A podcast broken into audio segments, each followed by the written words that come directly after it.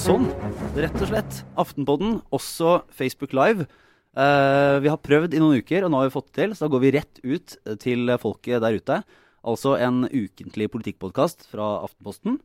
Uh, vi er på plass. Jeg er Lars Glomnes. Vi har med oss politisk redaktør Trine Eilertsen. God dag, god dag. God dag.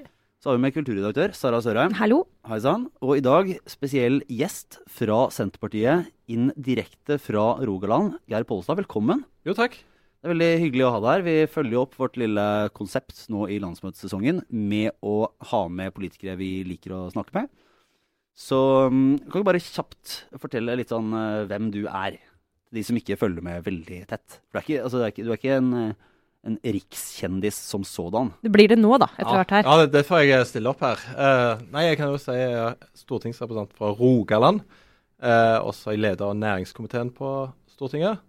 Og så har jeg drevet på med litt sånn uh, stort og smått politikk her inne i Oslo i ti år. Og det, det var liksom aldri planen. Men her er vi.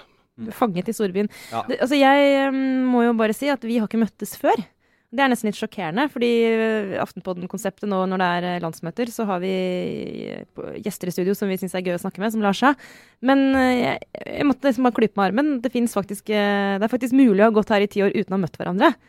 Men han har jobbet mye med samferdselsarv. Det er jo ikke innenfor ditt kjerneinteresseområde. Må vi vel må kunne si det. Det er ikke helt kjerne, men, nei. Men jeg har jo hørt mye på podkasten og hørt deg snakke, så det er kanskje der du føler vi har hatt den gode samtalen.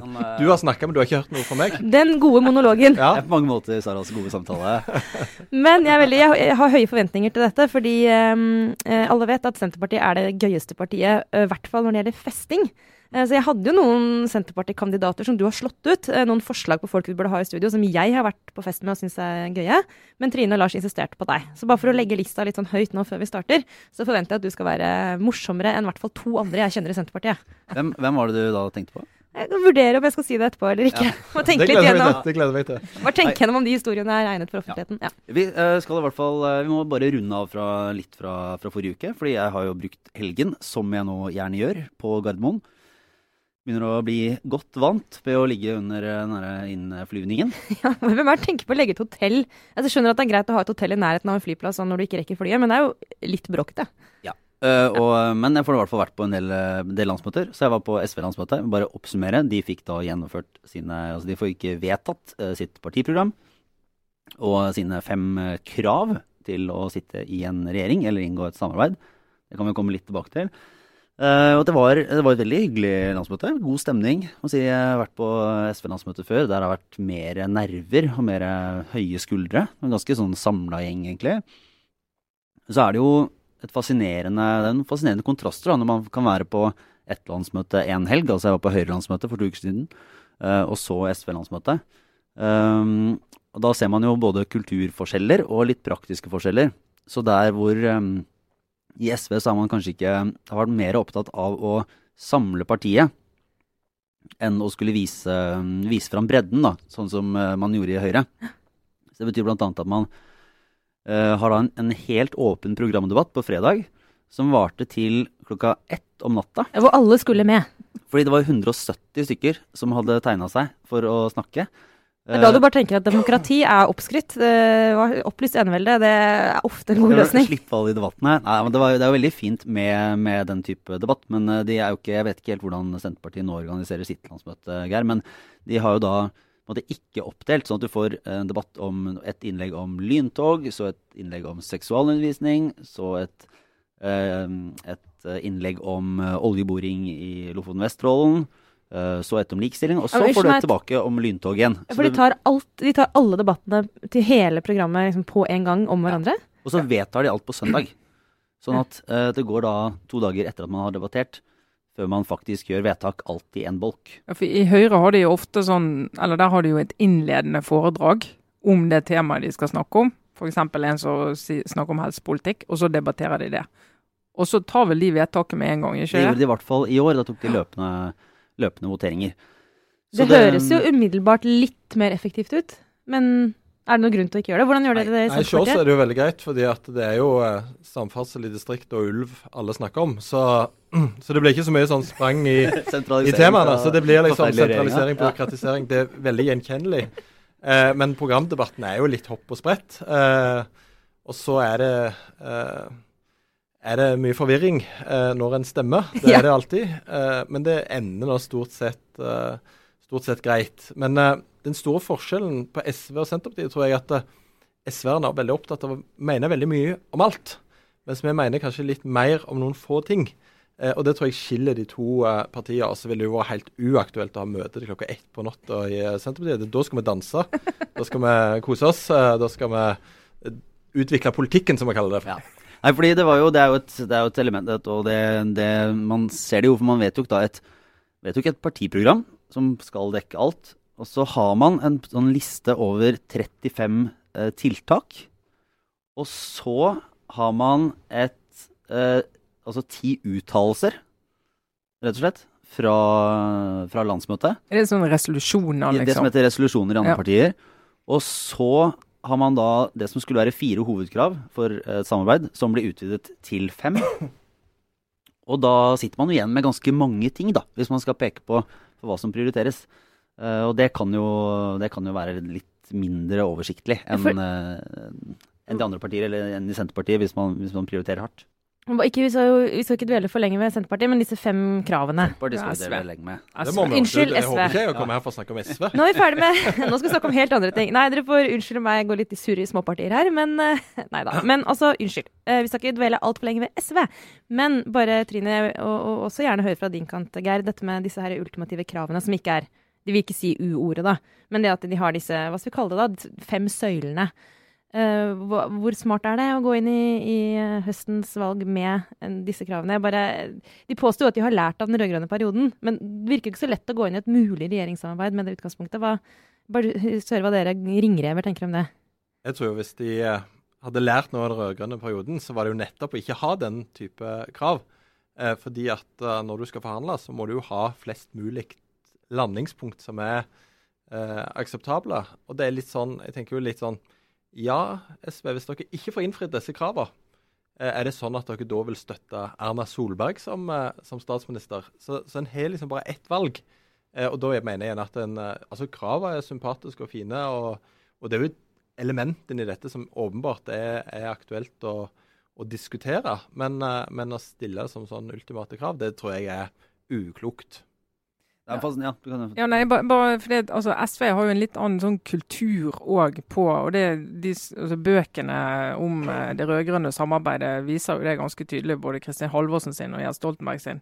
Eh, hvordan SV altså, de har enormt behov for å forankre bak i partiet. Hele veien løpende under forhandlinger. og Ganske sånn ineffektivt, egentlig. For de andre partiene har et veldig tydeligere mandat. De som sitter og forhandler, de har mandat fra baklandet til å si nå forhandler dere frem den beste løsningen, den beste avtalen for oss. Så tar de en runde i, i landsstyret, regner med, når eh, utkastet ligger der. Men de er ikke hele tiden bak og sjekker på absolutt alt mulig.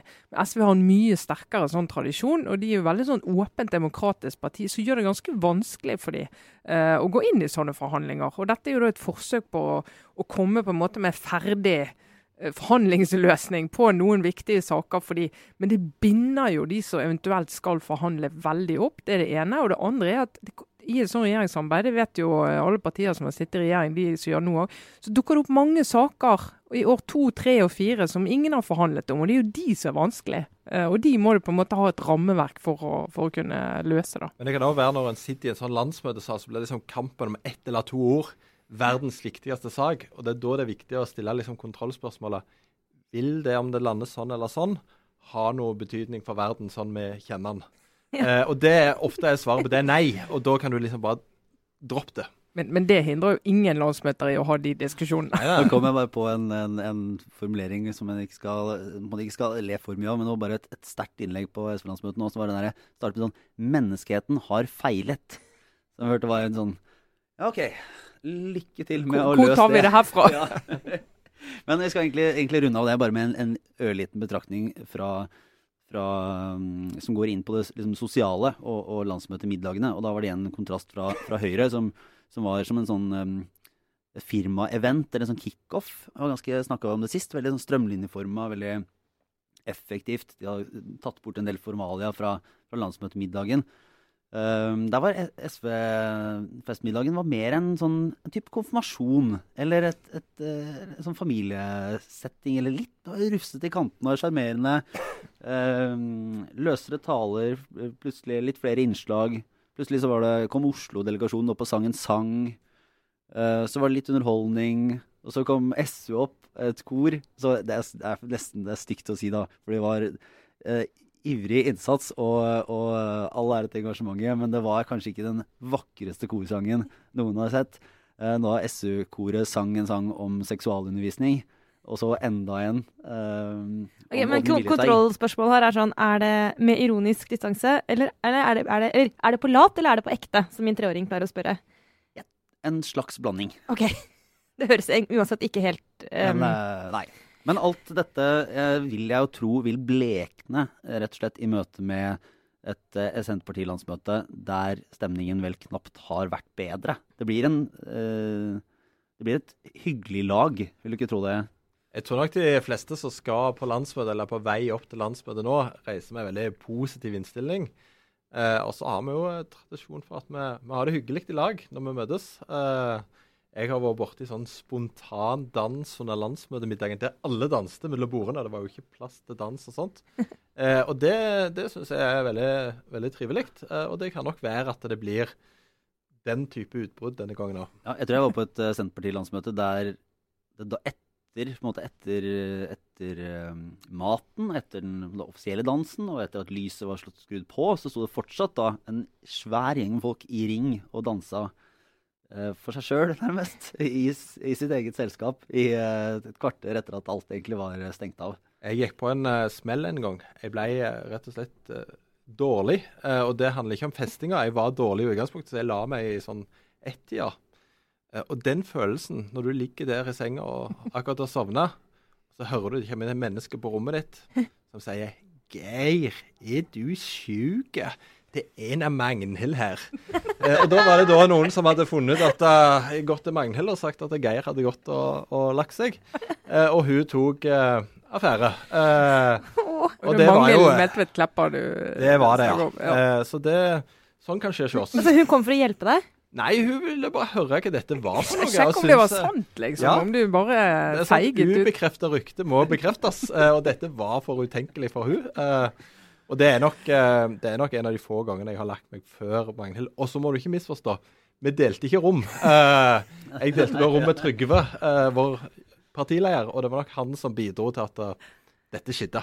Han går han og legger seg tidlig. fordi at vi som er, altså Alle sjefer vet jo, vi lærer iallfall det på lederkurs, at vi må ikke gå sist fra festen. Tvert imot, vi må gå først, sånn at de medarbeiderne som er igjen, kan få baksnakke oss i fred. Uten at vi er der og liksom vokter over det. Det er jo liksom kutyme å gjøre det. Hvordan funker det i partiet? Altså, går, går, sjefen og legger seg, så dere kan liksom slå dere løs, eller er han med til siste Nei, det, det, er nok en hårfin uh, balansegang, det der. At du både skal være lenge på festen. Uh, det er ikke noe mål om å legge seg uh, tidlig. Det er jo forventning om at sjefen er med på festen. Men du skal jo tross alt prestere dagen etterpå, ja. så det er en balanse. Men Trygve er god. Ja. Jeg kan jo uh, bare si det var jo et, et uh, egentlig det samme landsmøtet som jeg nå som var det danselandsmøtet. Uh, så etter middagen så um, kan vi si jeg hadde, et, hadde en liten, liten, konflikt med Liv Signe Navarsete. Som ikke var helt fornøyd med en sak jeg hadde skrevet, og ga veldig tydelig uttrykk for det. Um, og det var, var, der og da så var det ganske dårlig stemning. Men det skal eh, hun ha, all respekt, og det skal Senterpartiet ha. Hun eh, arrangerte da nachspielet på sitt eget rom, uh, sin suite, og var der. Og da var alt god stemning og holdt ut. Og hun, hun var ikke det at hun, hun var ikke sånn at hun var full og rangla rundt, liksom. Men bare sånn dette, den festen tar vi på alvor. Nå skal være ute og møte partifeller og folk og ha det gøy. Og hun lot ikke en krangel med en, lita, en liten journalist ødelegge for festen, liksom? Altså, nei, nei. Det, og du var velkommen? Ja, ja, det var helt, helt på stell. Så... Jeg kan minnes at du ikke var helt fornøyd med det, ja. men hva, men altså dere, politikk da, altså jeg skjønner jo at dette jeg, som lytterne sikkert har fått med seg, jeg er jo den blant oss som ikke har vært stort sett, altså ikke vært på landsmøte på jobb, jeg har vært der i ungdoms, ungdomstemi som uh, medlem av diverse organisasjoner, men, men som journalist har jeg ikke dekka landsmøter. Så, så, bortsett fra å feste og ha det gøy og sånn, så er jeg jo litt spent på liksom, hva er det som er altså, Skal det være noe politikk eh, til helgen? Er det noen saker som skal diskuteres? Er det noe som hva står på spill? Altså er det noen um, dere er jo på en eh, bølge nå av eh, ganske relativt sett eh, enorm medgang. Det er vel omtrent ikke siden EU-kampen at Senterpartiet har opplevd det dere opplever nå. Men er, blir det noe krangling, da? Det blir nok litt uh, krangling. Uh, så er det jo sånn at et landsmøte er jo altså en, Politikken er jo både dagen og natta. Altså Inni alt dette så er det noe politikk, uh, og det forhandles og det diskuteres. Men jeg, jeg, tror nok at de sakene det blir litt krangling på, det er klart tema som er fantastisk å krangle om, det er jo elbiler. Eh, og hvor mye penger skal vi hive etter Tesla-eiere. Det skaper stor begeistring. Og så er det forslag om å innføre skolepenger for utenlandsstudenter. Det er det jo eh, en del diskusjon og betydelig motstand mot. Eh, så, men det, det, er ikke noen sånn vonde og vanskelige saker som venter på oss. Og det, det er jo enda bedre, for da kan vi liksom gi full gass. Du kan jo, altså Når du diskuterer elbil, det er jo ikke mulig å gå over noen grenser. Du kan dra til med argumenter. Og Der er det uenighet i partiet? Ja da, det er det definitivt. Uh, jeg tenker Hvis du diskuterer mer sånn verdispørsmål, så skal du jo liksom ha respekt for motstandere når du skal være danna og fin. Diskutere elbil trenger vi ikke elbil. Det. Det, er ingen, det. Det, er ingen, det, er ikke et verdispørsmål. Nei. Nei, du, det ja, Jo, ja, for noen. For noen, er det det. For noen av oss. Og, og det, blir jo litt av debatten. At jo, for noen er det det. Ja. Men det er jo øh, ganske spennende. altså hva hvor, hvor, realistisk er altså, Vi vet jo ikke om vi kan stole på meningsmålinger. Det er helt, et helt åpent spørsmål. Jeg føler jo den der usikkerheten som har kommet krypende inn. Men uh, vi, vi, har jo ikke fått testa ut egentlig om, um, om, det gjelder også i Norge. De tallene dere har nå, er ganske uh, Jeg vet ikke, Trine, jeg ser alltid på deg når vi skal prøve å huske sånn når var det sist. Men uh, når var det sist at dere var der oppe? Rundt 10 det var, vel, det var vel rundt valget i uh, 93, ja. altså 95. Holdt med oss jo en stund. Men uh, Er det realistisk? Nei, altså Jeg tar jo meningsmålinger med en stor klype salt, og så tar jeg utgangspunkt med at det er fem og et halvt på siste uh, stortingsvalg. men det vil være å undervurdere de som driver med meningsmålinger, hvis vi ikke sier at vi ligger godt an. Ja, det, det, er vel det partiet, hvis du ser på feilmarginer på målingene, som du med, med, med størst trygghet kan si har økt markant. Ja, men det er jo sånn at det er alltid noen som skal være bekymra. Så sier de sånn Ja, dere ligger for godt an for tidlig. Og da er det sånn Ja, hvor mye syns dere vi skulle hatt? Skulle vi hatt 7% 5% 3% men, altså, men, det er jo den der, for jeg husker I 2013 så Høyre lå jo veldig godt an på den tiden her. og så Da var den diskusjonen om de lå for godt an for tidlig. Uh, og, da, og de, de, var jo bekymret sjøl i Høyre for det. For det de sa at en gang du begynner å falle, så får du de oppslagene Høyre faller, velgerne flykter fra Høyre. Og hvis du får det for tett opp til, til valg, selve valget, så er det en del velgere som tenker nei, herregud, det der er jo topperlaget, jeg tror jeg holder meg til Arbeiderpartiet som jeg pleier, eller altså, Så det er jo litt de der eh, historiene når det snur som gjør at en del er litt redd for å være i form for tidlig. da. Det skal vel sies at, eh, at Senterpartiet kanskje er av de partiene som tåler best eller kan levere mest på en, sånn, på en god bølge. Nå har jeg sett tidligere med f.eks. SV, som har, har, veldig liten organisasjon rundt i, uh, rundt i landet. Uh, da er det, det er lettere å bli påvirka av dårlige målinger, og du har mindre apparat til å mobilisere. Så jeg vil jo tro at Senterpartiet, som har uh, veldig mange ordførere og et stort lokalt partiapparat, er bedre innstilt til å liksom kunne utnytte en sånn positiv bølge. For det må jo ha tenkt at, at, julaften kom litt tidlig, når deres store saker nå bare på rekke og rad har, har klokka inn. For det var jo så sent som i desember, tror jeg, så var det målinger som var sånn ca. litt over 6% ja, en, men en må jo ta det når en får det. Det er nå diskusjonen står. Og jeg tror ikke diskusjonen om sentralisering vil eh, falle så mye fram mot, mot valget. Eh, og så pleier jeg å si at eh, selv om vi skulle få null stemmer på valget, så ville jeg ikke vært uten disse månedene. For det er jo fantastisk moro og, og inspirerende. Så, eh, og så har jo partiet en historie med at uh, for noen, disse senere årene har det jo vært mye turbulens. Uh, mye uh, rart som har skjedd. og det er jo enkelte valg jeg har vært undra over at vi har fått velgere i det hele. Så vi er jo godt rusta for motgang òg. og det, det, er noe av det vi prøver å minne hverandre på. At det er kun valgdagen som, som teller. Det er muligens en floskel, men det er jo veldig sant. Jeg vil Hvis jo du spørre om en ting til, litt sånn eh, Altså begrepet klam omfavnelse. Dere får klistra ganske eh, mye på dere, da. Den, øh, hvordan, hvordan kjennes det ut fra innsiden? Nå, øh, anklagene eller hva analysene, altså det er jo ikke helt far-fetch heller, om at dere fanger en slags populistisk Hva skal vi kalle det for noe? Nasjonalpopulistisk vind. Øh, og at Trygve er Norges Trump osv. Altså hvor liksom hvordan, hvordan diskuterer dere det? mm, Kan du røpe litt? Eh, tenker dere bare at enhver stemme er en god stemme, eller er det noen av de velgerne dere helst ikke skulle hatt med på lasset? Prøv å svare ærlig. Vi kan jo ikke gå rundt og sortere eh, velgere. Nå har jeg vært i oppkjøring til landsmøtet og vært på en del fylkesårsmøter. Og det slår meg eh, hver gang at jeg tenker de som liksom stempler oss som liksom, veldig populister, de skulle ha vært på fylkesårsmøtet i Troms og sett utover gjengen som der sitter. Eh, du, du tenker ikke liksom at dette er noen skumle, farlige eh, mennesker. Eh, så er det jo eh, eh, altså Hva er det som gjør at det går bra for Senterpartiet? Jeg tror det er liksom trenden i tida. Men det er jo også fordi at vi har bestemt oss for at hvis vi mener noe, så sier vi det. Eh, det er liksom sånn, vi skal, ikke, vi skal ikke bidra til at folk som kjører dieselbil i Norge, har dårlig samvittighet. Og det våger vi å si, selv om det er på en måte ja, Vi får kjeft av Zero og sånt for å si det. Men sannheten er jo at folk der ute, de kjører jo dieselbil. Altså Folk der ute de bor jo ikke i sånne hus som du ser i boligannonsene. De har sånn eh, sofa med, med blomster på og litt treverk og Mye furu. Ja, så, så altså, Norge er litt annerledes enn det du får inntrykk av. Altså, det å våge å være på uh, Høre på deg og, og snakke til deg er liksom en Nei, Jeg skal ikke kalle det en strategi, men det, det har vi iallfall gjort. Men uh, hva tenker dere egentlig om den anklagen om å være et sånn nei-parti? For nå bruker jo Høyre Senterpartiet som, ja, som litt skyteskive også for å ta Arbeiderpartiet. For de mener at dere er sånn ja, ok, dere er nei til alt det det går an å være nei til, og vil på en måte ta Norge tilbake til en tid der eh, ja, dit man egentlig ikke kan komme, og dit man ikke burde gå. Mm. Er, det, er det en fare for at dere blir et, at mer kjent for hva dere er mot, enn hva dere er for? Det er, ikke, det er jo en av de tingene som sier å våge å være tydelig. fordi at eh, Tidligere var liksom budskapet ja til frivilligheten når det gjaldt kommuner. Eh, så har vi skifta seg med heller nei til tvang. Eh, og det tror jeg at det, eh, det å bare være ærlig på de tingene du er imot, og liksom bare våge å få disse stemplingene, eh, det tror jeg er veldig klokt. Eh, og jeg var på en landbruksdebatt med Jon Georg Dale. Inderøya, Nord-Trøndelag. Og det er klart at når han da framfor 300 personer sier at hvis Senterpartiet får makta, da kan det skje fæle ting med EØS-avtalen. Og liksom true med den i den forsamlingen. Ja. Eh, det tenkte jeg ja, det lever jeg ganske godt med. Det trenger jeg ikke svare på.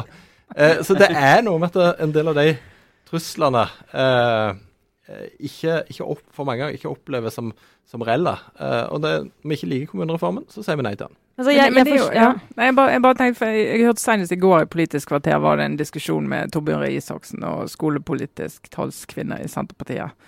Eh, om eh, de siste forslagene, og det at du skal kunne sende ut hjelp til kommuner som over tid ikke greier å levere anstendige eh, resultater til, eh, til elevene sine. Og ganske sånn, egentlig ganske ukontroversielt forslag. Og så sitter Senterpartiet der da, og er liksom Når du hører det litt sånn fra utsiden, så tenker du Må dere være mot alt? Er alt dumt? Er virkelig alt dumt bare fordi det kommer derfra? Fins det ingen lyspunkt? For det, det er til sånn, det blir alle saker, så finner du en eller annen sånn vri. Og når du spør ja, men hva vil dere da, så er det ikke alltid like gode svar på det. Eh, Det er klart det, det er jo eh, en utfordring når en er i opposisjon, at det blir også veldig mye fokus på det en, en eh, sier nei til. Jeg hørte også den debatten. Jeg, jeg forsto ikke helt egentlig ikke noen av de mente, uh, for å være litt slem. Uh, men uh, jeg hørte også den debatten. Jeg kan si meg enig med deg i den ja, analysen. Det ble litt forvirra. Jeg hørte ikke den debatten. Nei, Jeg er men- egentlig like rett. Du er like klok. Eh, nei, men, jeg- men jeg tror jo at, at det også Altså, det er ganske opplagt når du sier nei til noe, hva du da sier ja til. Eh, men men vi burde kanskje noen ganger eh, vært litt flinkere å si hva er alternativet. Men det er jo eh, Når du, du er imot Du ønsker en finmaska kommunestruktur. Eh, så sier du nei til å slå sammen kommuner. Eh, så er det et steg derfra til å si ja til å ha flere kommuner. Sant? Eh, Så vi må jo vi må jo liksom bestemme oss. Men jeg tenker at det, fordi Eller det er, så, det er faktisk Jeg syns det er veldig jeg, virkelig er spent på hva som skjer i denne valgkampen. Fordi jeg aner jo et større slags konflikt, i hvert fall en større avstand mellom by og land. Og dette, her, dette utenforskapet denne, dette opprøret mot eliten, som vi, vi, her som sitter her i Oslo kanskje er litt sånn spente på, frykter litt.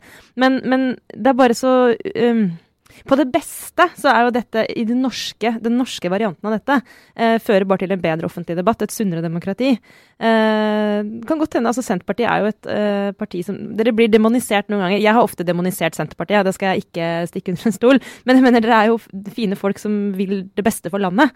Men det går an å se for seg dette på en helt annen måte også. Den svarte siden av dette, som er at vi står midt oppi en, liksom, en, en ganske nasjonalistisk, eh, bakoverskuende, angstfylt populistisk bølge som, som, er skadelig for det norske demokratiet. Jeg er litt sånn halvfullt, halvtomt glass. Kan du berolige meg litt uh, på den angsten for at det kommer en mørk bølge fra distriktene og bare skyller over oss? ja, med, med, det, er jo, det, er jo, næring til partiet med, med, med sånne som deg, så det, det, det trenger vi uh, virkelig. Uh, og så, så, er det litt sånn Fordi vi er mot Sara Sørheim, så, så, skjønner man hva man er for. Jo, men jeg er inspirert av Snakk rett fra levra, da. Det er lett jo, å si hva man er mot. men det er litt sånn eh, Jeg tenker sånn Hva er det Uh, altså Alle rare saker som Senterpartiet er for, som ikke er sånn klassisk eh, altså, differensiert arbeidsgiveravgift. Hvor mange populistiske partier i verden er det som går rundt og er opptatt av det? Ja, men de kan ikke stave det, de, vet du. Prisutjevningsordning for melk. Altså, Kjempeviktig sak som vi liksom kan ha timevis med diskusjon om eh, internt i partiet. men så, så mitt poeng er at ja, et parti som vil ha flere lokalpolitikere mer makt til kommunene, er liksom eh, Ja, de kommer ikke til å komme og, og, og ta deg. Men det som jeg tror at mange opplever i Norge, som jeg tar på alvor, f.eks. i mitt eget fylke, så tror jeg mange av de som nå er arbeidsledige, de sitter og er fortvila, og så opplever de en offentlig diskusjon mm. som sier at jo, men det går så bra i Hedmark. Aldri før har fiskeriene i nord levert bedre. Men det hjelper ikke. Jeg er arbeidsledig. Jeg vil jobbe i olja. Men så sier de. Men det går så bra. Og det, og, og det er liksom inntrykket av pressen òg, at, at, det går nå rimelig greit. Men sannheten er jo at det er massevis av folk som er kjempekompetente, mm. som er arbeidsledige. Mm. Og de er eh, forbanna. Og så er det at alle disse har en søster og en bror og en mor og en far og en nabo eh, som kjenner litt på det òg. Fordi at For inntil en fire-fem år siden så må jeg si jeg kjente ingen som var arbeidsledige. Ingen. Men nå er det jo alle kjenner jo noen eller er i slekt med noen som er arbeidsledig. Så det er liksom snudd helt opp ned. Og når du da ikke opplever at du blir tatt på alvor, Men så kan du bli Men opplever de det, da? Altså, for det er jo alle snakker jo om det, og starter med å snakke om de arbeidsledige. Altså, over jo. hele, Og så er det litt sånn menn når vi ser resten av landet. Jo, det går bra. Ja. Det, er liksom, det, er det mange men, hører. Men det, det gjør bra, det jo. I resten av landet. Jo, Er du ledig, så er du ledig. Og Da kjenner du på det. og Da har du lyst på den arbeidsplassen. Og så, og så er det Eh, klart at uh, En del av de tingene som skjer innenfor luftfart, uh, innenfor sjøfolk Og det som kanskje er spesielt, at det er ressurssterke folk mm. som det nå rammer.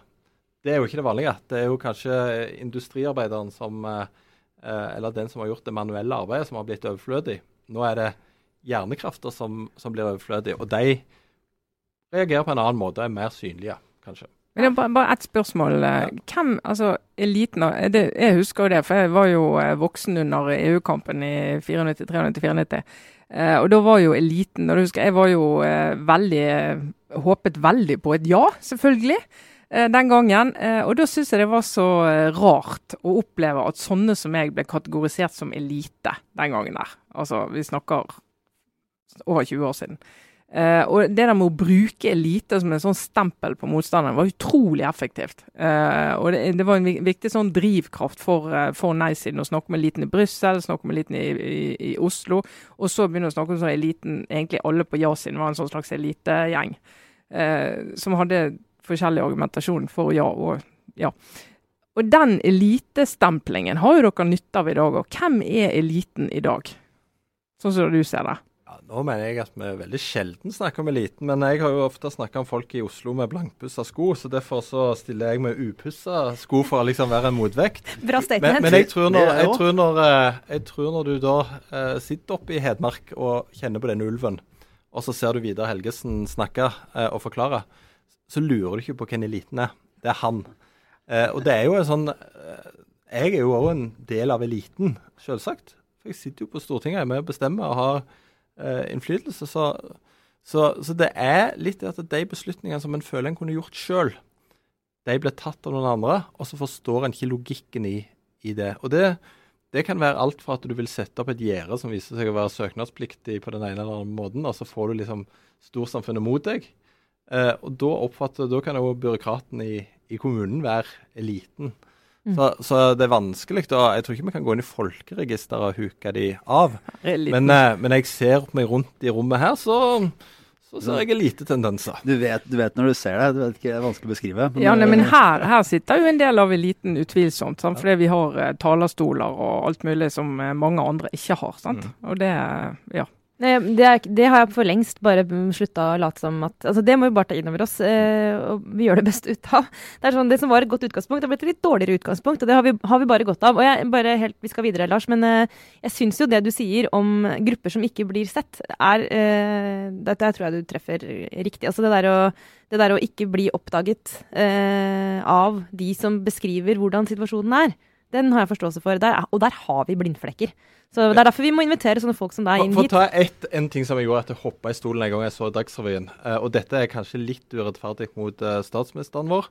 Fordi de viste et klipp av Erna Solberg som møtte noen uh, bønder oppe i Hedmark. Og så sa hun Nå har jeg sett dere. Ha det bra. og, og, der har det sikkert stått i et eller annet sånt, sånt, et sånt notat som du får når du er ute på reis. Formål med reisen.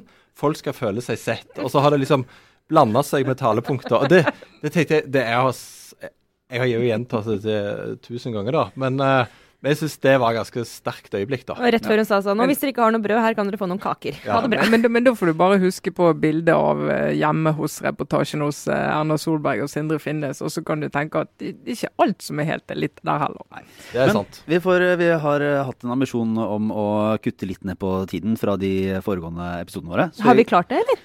Vi er ikke så helt uh, gærent. Det holder på å skli litt ut. Men, ja. det, alltid, det sklir alltid ut når vi begynner på ja. denne diskusjonen her. Jeg mener for øvrig det er en uhyre interessant diskusjon, men ja. vi kan godt fortsette den litt på et men, annet forum. forum. Siden du skal forte deg videre etter hvert, Sara, så går vi tar en noen kjapp runde med obligatorisk refleksjon. Ja, det henger egentlig sammen med det vi akkurat uh, snakket om, for min del denne uka. Uh, jeg, syns det er genuint interessant uh, å få sitt verdensbilde utfordra, selv om det kanskje ikke høres sånn ut. Men, men grunnen vi står på i Oslo-pressen er jo litt sånn Den bever litt. Ikke, vi, vi, opplever en sånn usikkerhet som jeg tror er bra for oss. Men min refleksjon denne uken er nettopp sånn Ja, det er egentlig nok et sånt er glasset halvfullt eller halvtomt eh, resonnement. Eh, på fredag så skal jeg være med på en sånn fagdag på NRK. Eh, de har invitert journalister fra masse ulike redaksjoner til å diskutere journalistikk og demokrati et forsøk på sånn uh, samarbeid på tvers av redaksjonene, som er litt sånn inn for tiden. Uh, men da skal jeg bl.a. intervjue Espen Teigen i Fremskrittspartiet. Den etter hvert ganske berømte mannen bak Sylvi Listhaug sin uh, sosiale medier-strategi og hennes Facebook-side. Og han er jeg veldig nysgjerrig på, og det har jeg gått og tenkt på nå jeg forbereder meg til samtalen med han. Det er det er helt umulig for meg å være nøytral som intervjuer der, for han utfordrer oss. ikke sant? Altså, jo, de klarer seg plutselig litt, eller ganske mye faktisk, uten mediene. Og den makten vi hadde, den portvokterfunksjonen vi har hatt hele tiden, og vi har silt Det vet jo du, Geir. ikke sant? Det der med å kom, prøve å få et utspill på trykk. Den har vi kanskje tatt litt for gitt, da, at vi har hatt veldig mye makt. Og nå når vi plutselig opplever at dere har andre måter å komme ut på enn via oss, så er det en litt sånn tankevekkende erfaring å gjøre seg. Og er det, er det på den ene måten bra? Ja, det er bra fordi demokratiet blir sannsynligvis mer mangefasettert. Et ord som vi liker å bruke i eliten. Eh, samtidig så mister du den, den eh, kvalitetskontrollen over informasjonen. Og det er klart, det baner veien for å bare spre hva som helst. Vi liker jo å se på oss selv som at vi faktisk gjør en jobb eh, som redaktører. At vi faktisk siler sant og usant. Så dette går liksom og kverner opp i huet mitt. Jeg, jeg, jeg, vet ikke. Jeg håper at det gjør oss bedre. Men det kan være at det gjør den offentlige debatten dårligere. Senterpartiet, dere har også en ganske sånn aktiv strategi på Facebook-siden deres. Eh, det var jo en sak for ikke så lenge siden hvor dere pynta litt på en Dagbladet-sak, f.eks. Ja, det var det. Var det. Ja. Det, det, det, tror jeg ikke blir en vane, da. Eh, ei heller å legge ut eh, litt eh, heftige ulvevideoer og sånt. Land, ja. Eh, det er jo vi får si, det er en umoden teknologi, og vi prøver oss litt fram. Ja. Eh, fordi at det som jeg opplever at veldig mange i Senterpartiet er ganske gode på på sosiale medier, det er å være ærlige og være seg sjøl, for å bruke en floskel igjen. Mm. Men, men det er litt, litt For jeg mener politikere er to grupper. Det er de som tar klupp og lim fra partiprogrammet og liksom bruker sosiale medier på den måten. Og så er det de som liker å liksom bruke det litt mer bevisst, og, men òg by litt på seg sjøl. Ja. Eh, og så er det jo klart et problem med at uh, du får ikke den uh, silingen som pressen gjør. Uh, så har jo jeg vært med og fått på saker på trykk som jeg har tenkt at det kanskje, kanskje det ble dratt litt uh, langt. Kanskje vi fikk journalisten med på litt mye. Ja. Og da har du liksom Kanskje vi tok litt mye og da liksom. har du kvalitetsstempelet på en sak Ja. som det kanskje ikke er grunnlag for. Så, så dette er jo ikke noen nye problemstillinger, det er bare at de framstår i en litt annen form. Trine Eilertsen, du har grunna mye på hva din obligatoriske refleksjon skal være denne uken. Ja, og det, det er et eh, vidt spenn. Det handlet eh, enten om biodrivstoff, som jeg har mye å reflektere rundt. Jeg og mange andre reflekterer rundt det for tiden. Eh, og jeg skal jo til Trondheim uh, i helgen på Senterpartiets landsmøte, så jeg regner med at det blir nevnt der òg. for skogeierne er jo opptatt av dette, blant andre. Um, og det, hadde jeg skulle reflektere mye om det, så hadde det tatt veldig lang tid. Så jeg bestemmer for å bare snakke om mer enn å reflektere så mye. For dette er rent emo. Det er min uh, forkjærlighet For å vise for din eh, mangefasetterte personlighet. Min forkjærlighet for uh, sånne reality-programmer, holdt jeg på å si. Ikke reality-programmer, men sånn uh, Dokudrama heter det. dokudrama fra fødestuer. Ja. Så går jeg inn og så ser jeg på det, og så er det kanskje fire fødsler i hvert program. Og så får jeg klump i halsen og tårer i øynene for hver eneste en av de fire fødslene. Og kommer jeg over et nytt program uken etter, så ser jeg det òg. Jeg syns det er helt magisk å se på, på fødsler. Før jeg fikk barn var jeg nesten helt uinteressert. Jeg var jo jeg aktivt uinteressert. Det er jo ekkelt. Jordmødrene, da. Og det ser du i alle disse, disse programmene. Så kommer jordmødrene så sånn med autoritet, med ro, med liksom sånn de, de har gjort alt så mange ganger før, og de har sett alle situasjoner før, og de bare, de bare går inn her og løser og beroliger. Jordmødre, altså. Vet du, Hyll, hyll, hyll. Vi har jo en serie nå på Aftenposten TV eh, som, som heter Fødselsfotografen, hvor det ligger mange episoder ute fra helt ulike fødsler, da, men som hun, hun fotografen har, har dekka. Jeg har sett et par av dem og storgrått nå Det er helt uke. fantastisk. er så fantastisk. Og vi møtte en høygravid kollega i stad, og jeg, bare, jeg må bare stille meg bak min eh, hyllest, eller Trines hyllest til eh, jordmødrene. For jeg, jeg møtte meg min kollega, og så begynte jeg å tenke på de der første timene på, på sykehuset når du har født barn. Dere får bare unnskylde nå, men de, den omsorgen man får av jordmødrene. De kommer med sånn brødskive med brunost på, eller sånn syltetøy fra sånn liten sånn boks med syltetøy som de bare har på sykehus og gamlehjem. Og så får du, får du rød saft i sånn plastglass, og det er liksom det beste måltidet du har fått i hele ditt liv, og de kan klappe deg på pannen og sånn. Og det er siste gangen du får omsorg, for nå skal du hjem og passe på denne, denne babyen.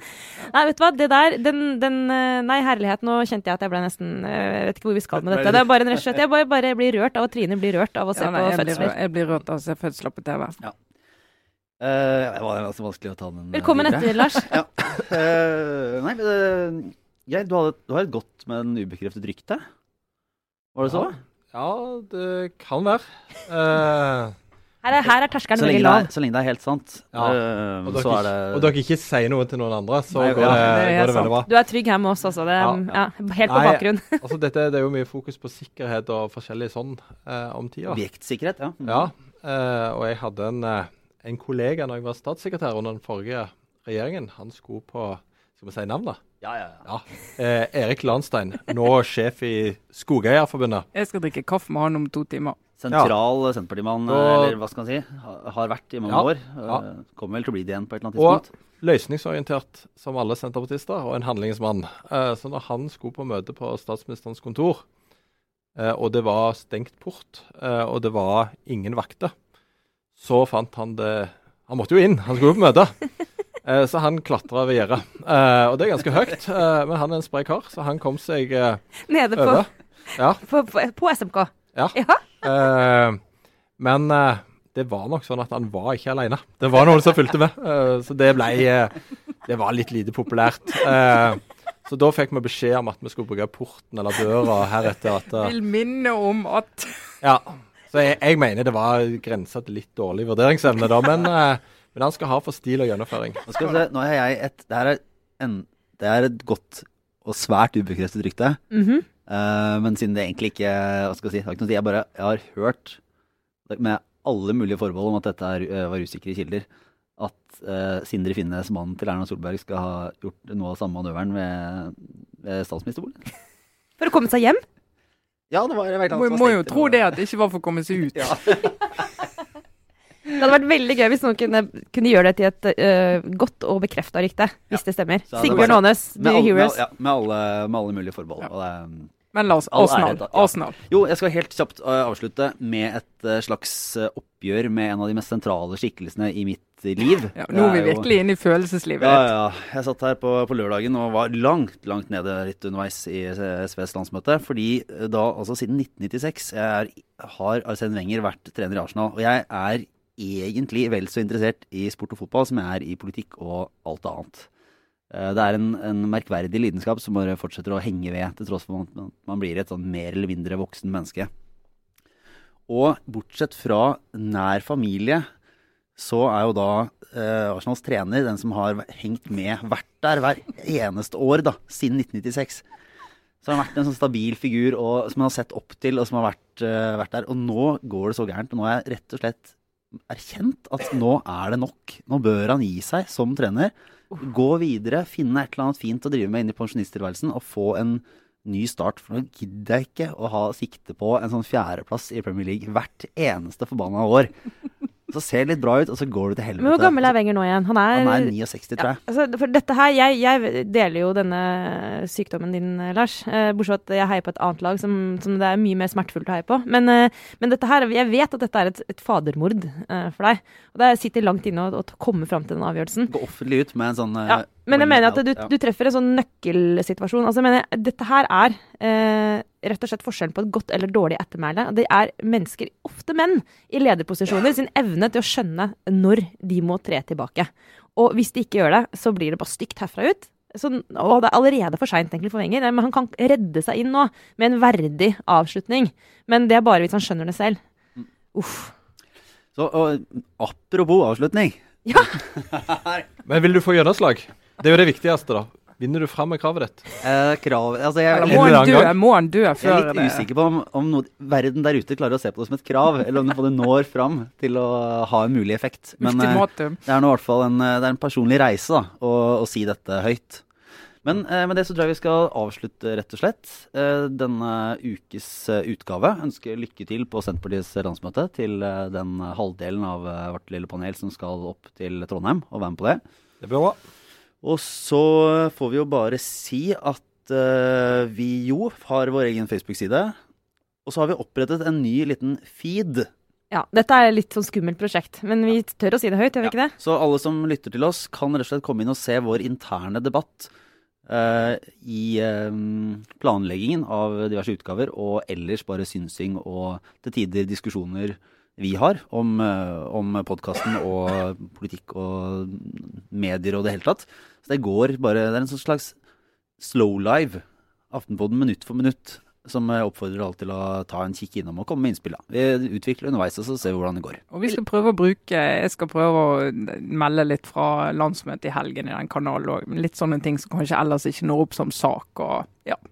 Og. Link på Facebook-siden vår. Eh, og med det så sender vi dere ut i eh, dagen. Sara Sørheim, takk for nå. Kan få lov til å løpe, har litt dårlig tid. Takk. Trine Eilertsen og Geir Pollestad, veldig hyggelig at du kunne være med. Veldig kjekt å være her. Ja. Og så får du ha lykke til da på landsmøtet, og se om dere klarer å, ikke bare ha det moro, men eh, drive og krangle litt og utvikle litt politikk også. Du må krangle litt for å ha det moro. Nettopp. Ah, dagens visdomsord. Takk. Takk for oss.